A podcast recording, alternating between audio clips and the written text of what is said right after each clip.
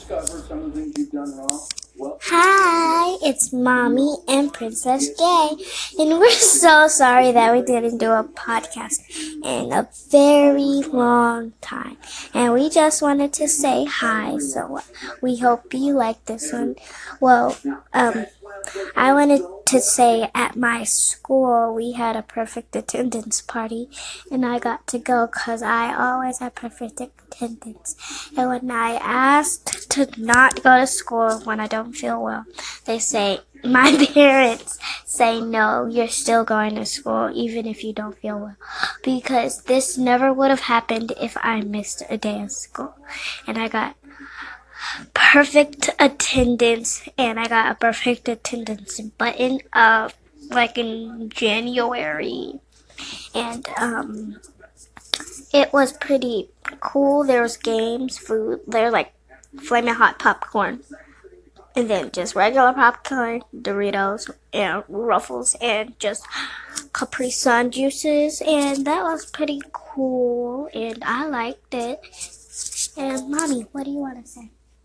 I want to say I'm so proud of Janae for having her perfect attendance, and her perfect attendance party for kindergarten, and just keep it up And every great. year. and grade and grades up more than just kindergarten. Well, it's kindergarten for you. Just keep it up Yeah. every year. Yeah. Perfect attendance.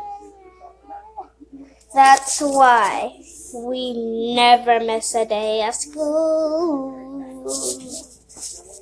And we just and we wanted to ask if you had a good weekend. So just like call us if you had a good weekend and we'll see and we'll see you because we never um, didn't um, see the people who like listen to us. So we might, we really want to meet them. So we'll get a chance to meet people that we don't see. They're like not in our.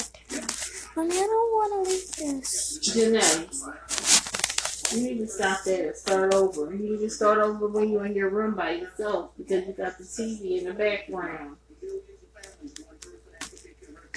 So, yeah, we're just going to um go bye bye and we're going to see you next time and we're going to make another podcast tomorrow or in the morning.